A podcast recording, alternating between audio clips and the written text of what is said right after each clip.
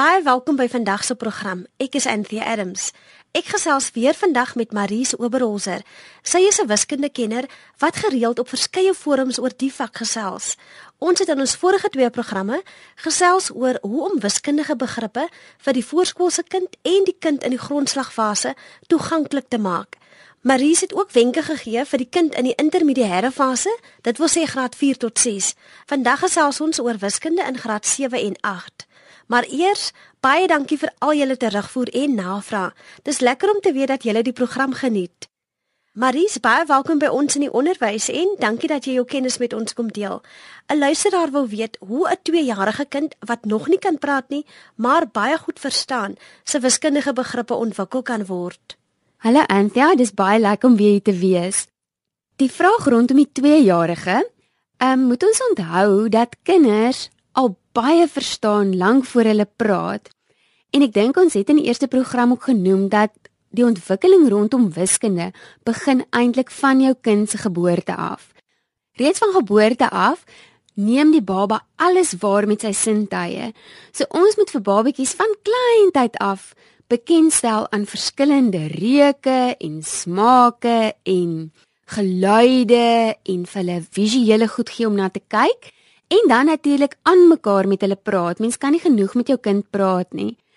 En dan nou ook soos wat hulle begin groter raak, aktiwiteite met hulle doen soos om voorwerpe te sorteer, um volgens grootte of volgens lengte om um te rangskik en soos wat 'n mens hierdie aktiwiteite met hulle doen, gesels 'n mens natuurlik en deur hierdie gesprekke ontwikkel jou kind se wiskundige woordeskat dan.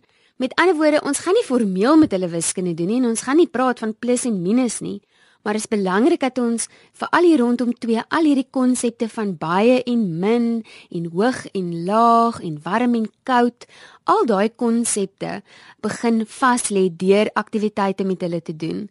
En dan ook as mens begin tel, dan aanvanklik moet die kinders net die volgorde van getalle ken. Mense byvoorbeeld met hulle um rympies doen waar 'n mens dan nou waar waar daar ingetel word of as 'n mens byvoorbeeld trappe opklim, dan tel jy 1 2 3 4 5 of tel hoeveel koekies daar nog oor is. Sodat hulle net eers gewoond raak aan die volgorde van getalle.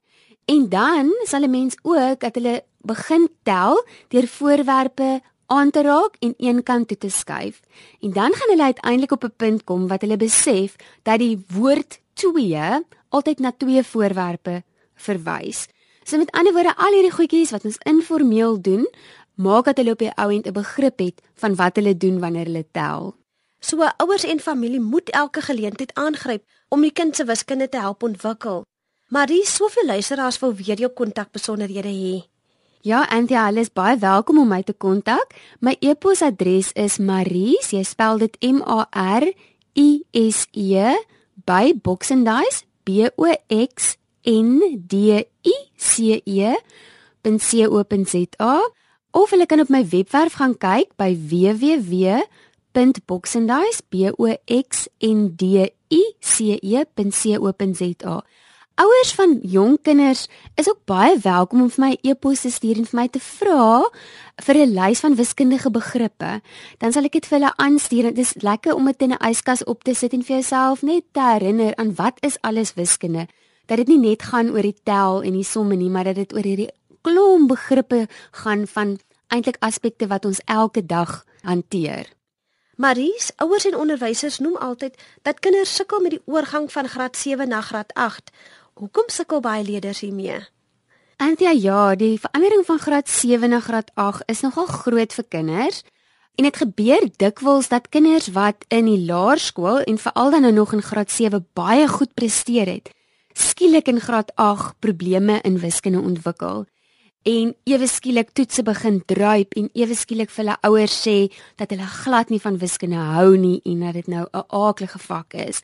Nou die rede hiervoor is In graad 8 raak wiskunde uit en uit 'n leervak. Ons het al van tevore gesels oor die feit dat wiskunde eintlik 'n oefenvak is en ek het al gesê dat dit verskriklik belangrik is dat konsepte vasgelê moet word, dat kinders reeds in die laerskool moet oefen, gereeld moet oefen, moet leer. Maar weet jy wat, Antia, daar is kinders wat nog daarmee kan wegkom in die laerskool om nie te oefen nie en die minimum te leer. Maar in die hoërskool begin die kinders nou met onbekendes werk. Hulle begin leer um reëls van algebra en dit is op hierdie stadium wat dit krities is dat kinders begin leer.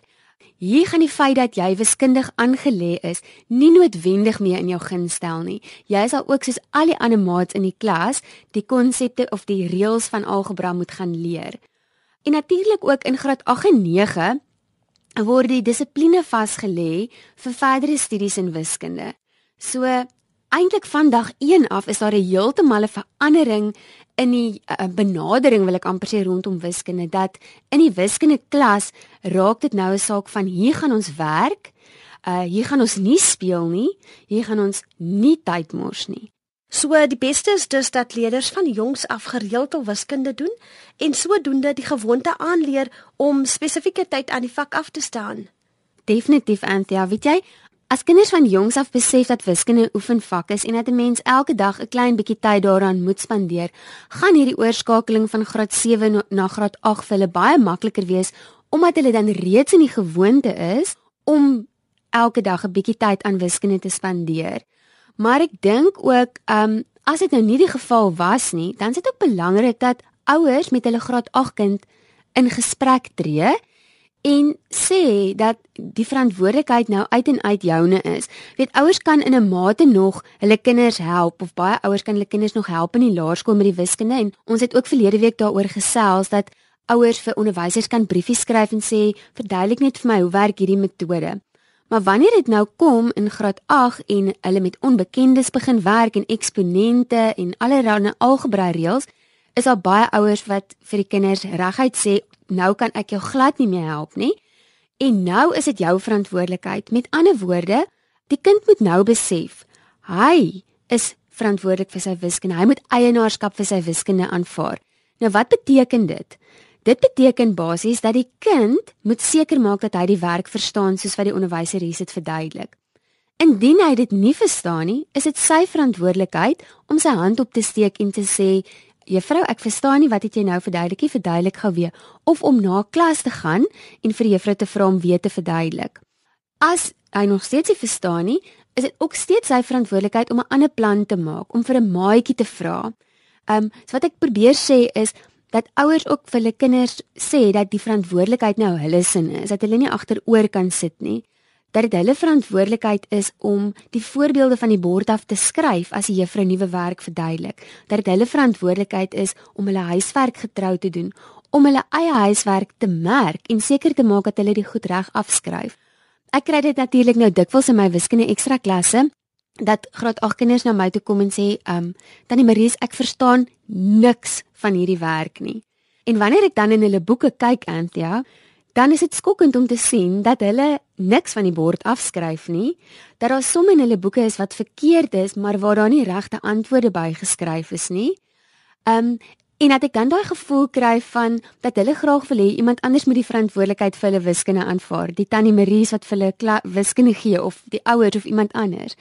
Um en 'n graad 8 kind is eintlik nou groot genoeg om te sê, maar weet jy, ek moet nou self verantwoordelikheid hiervoor aanvaar. Dit bring my by die vraag, hoeveel tyd behoort leerders aan wiskunde te spandeer? Weet jy, Antia, ideaal gesproke moet 'n kind ten minste 'n halfuur elke dag aan wiskunde afstaan. Veral in die hoërskool kry die kinders nogals baie huiswerk.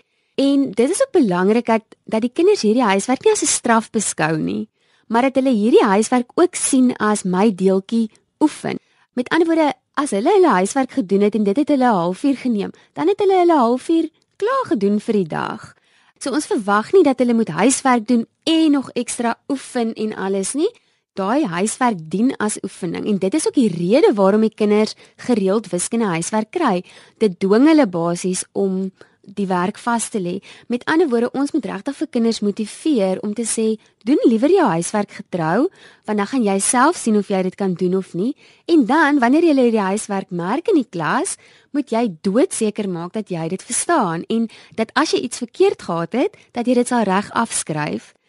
En dan natuurlik Antjie, as 'n mens so getrou oefen, 'n halfuur elke dag, dan gaan toetse en eksamens nie meer 'n nagmerrie wees nie Want dan is dit nie 'n geval van kinders wat nou moet deurnag wakker bly om hulle wiskunde te leer nie, want daardie aspekte waaroor hulle toetskryf is dan al redelik vasgelê.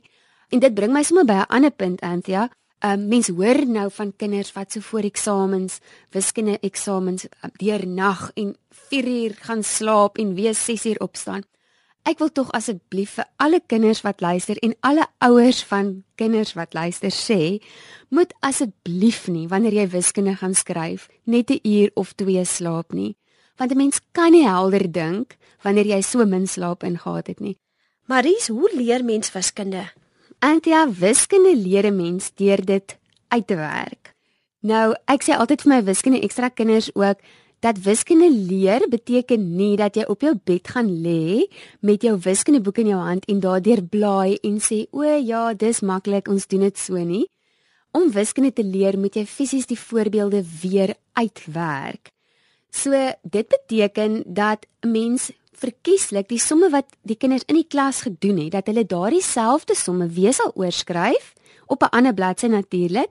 Dit weer sal uitwerk en dan kyk of hulle weer by dieselfde antwoorde uitkom. Want om net na 'n som te kyk kan dalk maklik lyk. Die kind kan dink, "O ja, ek weet hoe om dit te doen." Maar wanneer hy dit fisies dan in die toets moet doen, dan is hy onseker. So wanneer kinders dan um die somme wat hulle in die klas gedoen het, weer 'n keer uitwerk, gaan dit eintlik op die eind vir hulle selfvertroue gee, sodat wanneer hulle dan daardie tipe som in die toets of in die eksamen kry, dat hulle gevoel het van ek kan dit doen, ek het dit mos geoefen, ek hoef nie nou onseker te wees of te mekaar te raak tussen verskillende metodes nie. En dan natuurlik ook, soos ek vroeër gesê het van al die reëls wat begin bykom by algebra, dat kinders dit maar moet gaan leer soos 'n papegaai ook ehm um, byvoorbeeld wanneer ons nou met eksponente begin werk, dat ons leer as die grondtalle dieselfde is en ons vermenigvuldig dan plus ons die eksponente. Of as die grondtalle dieselfde is en ons deel, dan trek ons die eksponente van mekaar af. Daardie tipe reëls moet hulle uit hulle kop uit ken. So, dis 'n kombinasie van werk weer dieselfde somme uit en leer jou reëls. En baie keer sal ouers ook vir my sê, maar ehm um, hulle sit nou nog ekstra somme. Die kind moet nou nog ekstra somme kry om te doen. En dis goed. Elke bietjie ekstra werk is goed. Maar 'n mens vergeet dikwels dat dit heel voldoende is om die somme wat hulle in die klas gedoen het weer uit te werk. En daardeur sê ek glad nie dat hierdie ander ekstra boeke nie baie help nie. Dit is fantasties en hoe meer jou kind oefen en hoe meer voorbeelde hy doen, hoe beter. Maar ons moet net nie vergeet van die waardevolle bron van die kind se skoolboek waarin hy elke dag werk nie. So gesels wiskundekenner Maries Oberholzer. Maries verduidelik nou hoekom graad 8 vir baie leerders 'n uitdaging is. Weet jy, Anthea, baie keer skryf die kinders um wanneer hulle in graad 8 kom 'n aanvangstoets. Dis 'n toets waarvoor die kinders nie leer nie. Met ander woorde, hulle kry net die toets waar die onderwyser wil toets waar lê hulle in terme van sekere aspekte van hulle wiskunde. Nou, in so 'n aanvangstoets sal daar definitief tafels gevra word of die toepassing van van maaltafels. En as jou kind nou graad 7, 8 is, is dit nog steeds vir hulle verskriklik belangrik om daardie tafels te ken, want dit spaar vir hulle op die ou en tyd in toetse en eksamens. Anders moet jou kind in graad 8 sy sakrekenaar gebruik om een, iets eenvoudig uit te werk so 7 maal 3 dan gaan hulle ook gewoonlik in so 'n aanvangstoets basiese bewerkingstoets. Met ander woorde, hierdie kind 'n metode vir optel, aftrek, maal en deel en dan volgorde van bewerking. 'n Volgorde van bewerking sê vir die kind in watter volgorde hy 'n bewerking moet doen wanneer daar gemengde bewerkings is. Dit is dan nou die belangrikste hakkies en van en dan maal en deel en dan plus en minus. Mense sal ook graag wil hê dat die graad 8 kind met die aanvang van graad 8 kan afrond tot die naaste 10de of tot die naaste 100ste of tot die naaste kilogram of tot die naaste meter. Dan baie baie belangrik is dat die kind verstaan die verband tussen breuke, desimale breuke en persentasies. Daai drie goed volg op mekaar en eintlik is breuke, desimale breuke en persentasies eintlik net drie verskillende skryfwyse wat eintlik presies dieselfde vir jou sê. So byvoorbeeld as ons dink aan 'n 3 kwart, dan kan ons 'n 3 kwart wat 'n breek is, gaan skryf as 'n desimale breek wat 0,75 is.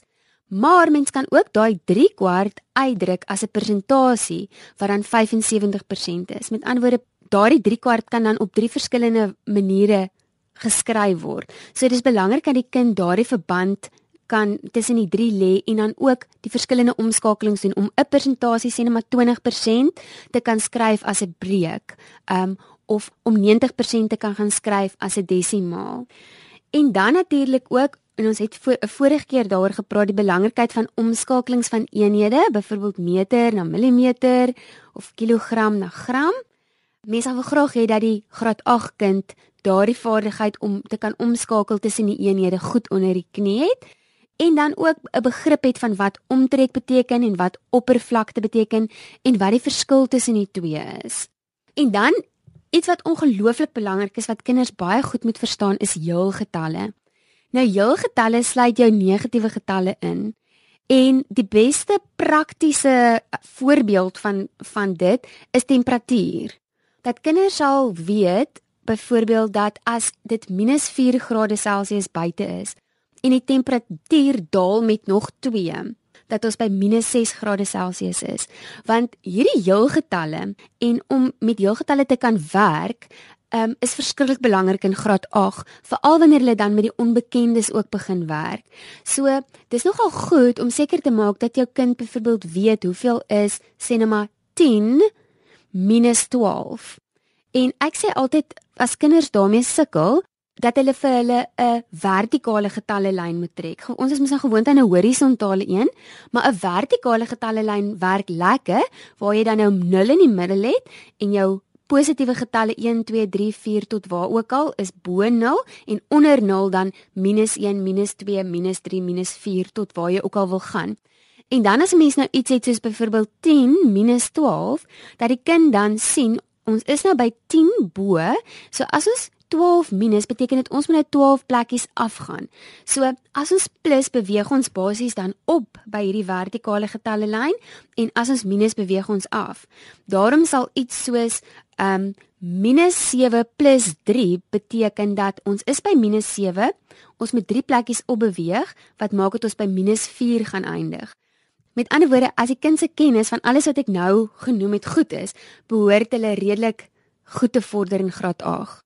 Maries, kom ons veronderstel die aspekte wat jy nou net genoem het is nie in plek nie. Wat nou? Weet jy Anthea, as daardie aspekte nie goed vasgelê is met toetrede tot graad 8 nie, wil ek vir ouers sê dit is nie die einde van die wêreld nie. Graad 8 is eintlik in 'n groot mate 'n oorbegin in die opsig dat hulle vir eerste keer met onbekendes begin werk, maar mens kan ook sê, goed, dit is nie die einde van die wêreld nie want solank my kind net van dag 1 in graad 8 af bybly want die werk wat hulle in graad 8 doen is letterlik die fondasie vir elke steen wat verder gelê word. Um dis ongelooflik eintlik om na die hoërskool wiskunde te kyk en te sien dat dit wat hulle nou hier in graad 8 leer, byvoorbeeld eksponente, word in graad 9 nog 'n trappie verder gevat, in graad 10 nog 'n trappie verder gevat. So mense wil net hê dat al hierdie aspekte van dag 1 in graad 8 goed vasgelê word. Um en dan natuurlik ook om positief te bly net oor die wiskunde dat ouers nie sal sê okay goed, jy weet my kind het nou in die laerskool verskriklik swak gedoen en so ons is nou negatief oor wiskunde en wiskunde is 'n nagmerrie en my kind gaan dit nooit kan doen nie. Dat 'n mens liewerste in 'n tipe van 'n ondersteunende verhouding met jou kind staan en sê goed my kind, kom ons kyk wat ons kan doen om vir jou te help. Maar ek wil regtig net vir ouers sê, ek het al gesien um in my werk dat kinders in graad 7 regtig nie goed presteer het nie en in graad 8 van dag 1 af bybly en hard werk en op die ou end 'n reuse sukses van hulle wiskunde maak en dit so geniet en wonderlik daarin presteer. So, mens moenie dat die tekortkominge van die verlede nou in graad 8 met jou saamkom en daai negatiewe gevoel teenoor wiskunde um voortbring nie. Ja, dit herinner ons weer aan hoe belangrik 'n positiewe gesindheid is, nê? Definitief, Antia. Weet jy, wil dit net weer beklemtoon dat ons altyd moet onthou dat sukses in wiskunde van twee aspekte afhanklik is. Die eerste aspek is ons gesindheid rondom dit, hoe ons daaroor voel, hoe ons dit beleef, en die ander aspek is die vasleggingskomponent, die inoefen, die leer. So met daai twee komponente as mens positief is, ehm um, en jy oefen wiskunde, dan kan jy letterlik net van krag tot krag gaan. En ek dink ek wil ook vir ouers 'n beroep op ouers lê en vir hulle sê moenie vir jou graad 8 kind sê, weet jy, Jy gaan waarskynlik in graad 10 wiskunde geletterdheid neem want ons van 'n Merwes kan mos eintlik glad nie wiskunde doen nie. Want ehm um, Mens wil eintlik hê dat die kind in graad 8 en graad 9 sy bes doen, bybly, hard werk in wiskunde, want ek sê altyd eerste opsie is altyd om in graad 10 met wiskunde aan te gaan. En ek sê dit uit en uit ook omdat wiskunde vir 'n mens ongelooflik baie geleenthede ten opsigte van studierigtinge gee.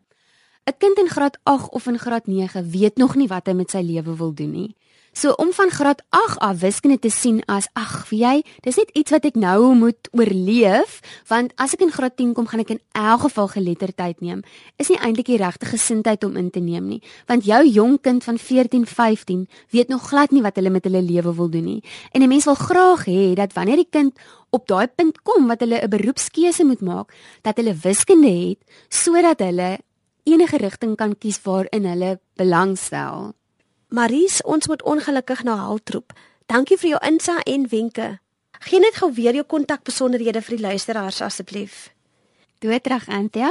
My e-posadres is maries m a r i s e by boxandice b o x n d i c e .co.za en my webwerf is www www.boxandice.co.za. En Antjie, ek wil ook van my kant af dankie sê vir die geleentheid wat ek gehad het om met julle oor wiskunde te praat en dankie vir al die wonderlike eposse wat ek gekry het van oupas en oumas en ma's en pa's. Dit is regtig vir my ongelooflik om te sien hoeveel oupas en oumas en ma's en pa's regtig so opreg belangstel in hulle kinders se wiskunde ontwikkeling. Um en dit is regtig kinders wat bevoordeel is om om sulke ondersteuningspersone in hulle lewe te hê.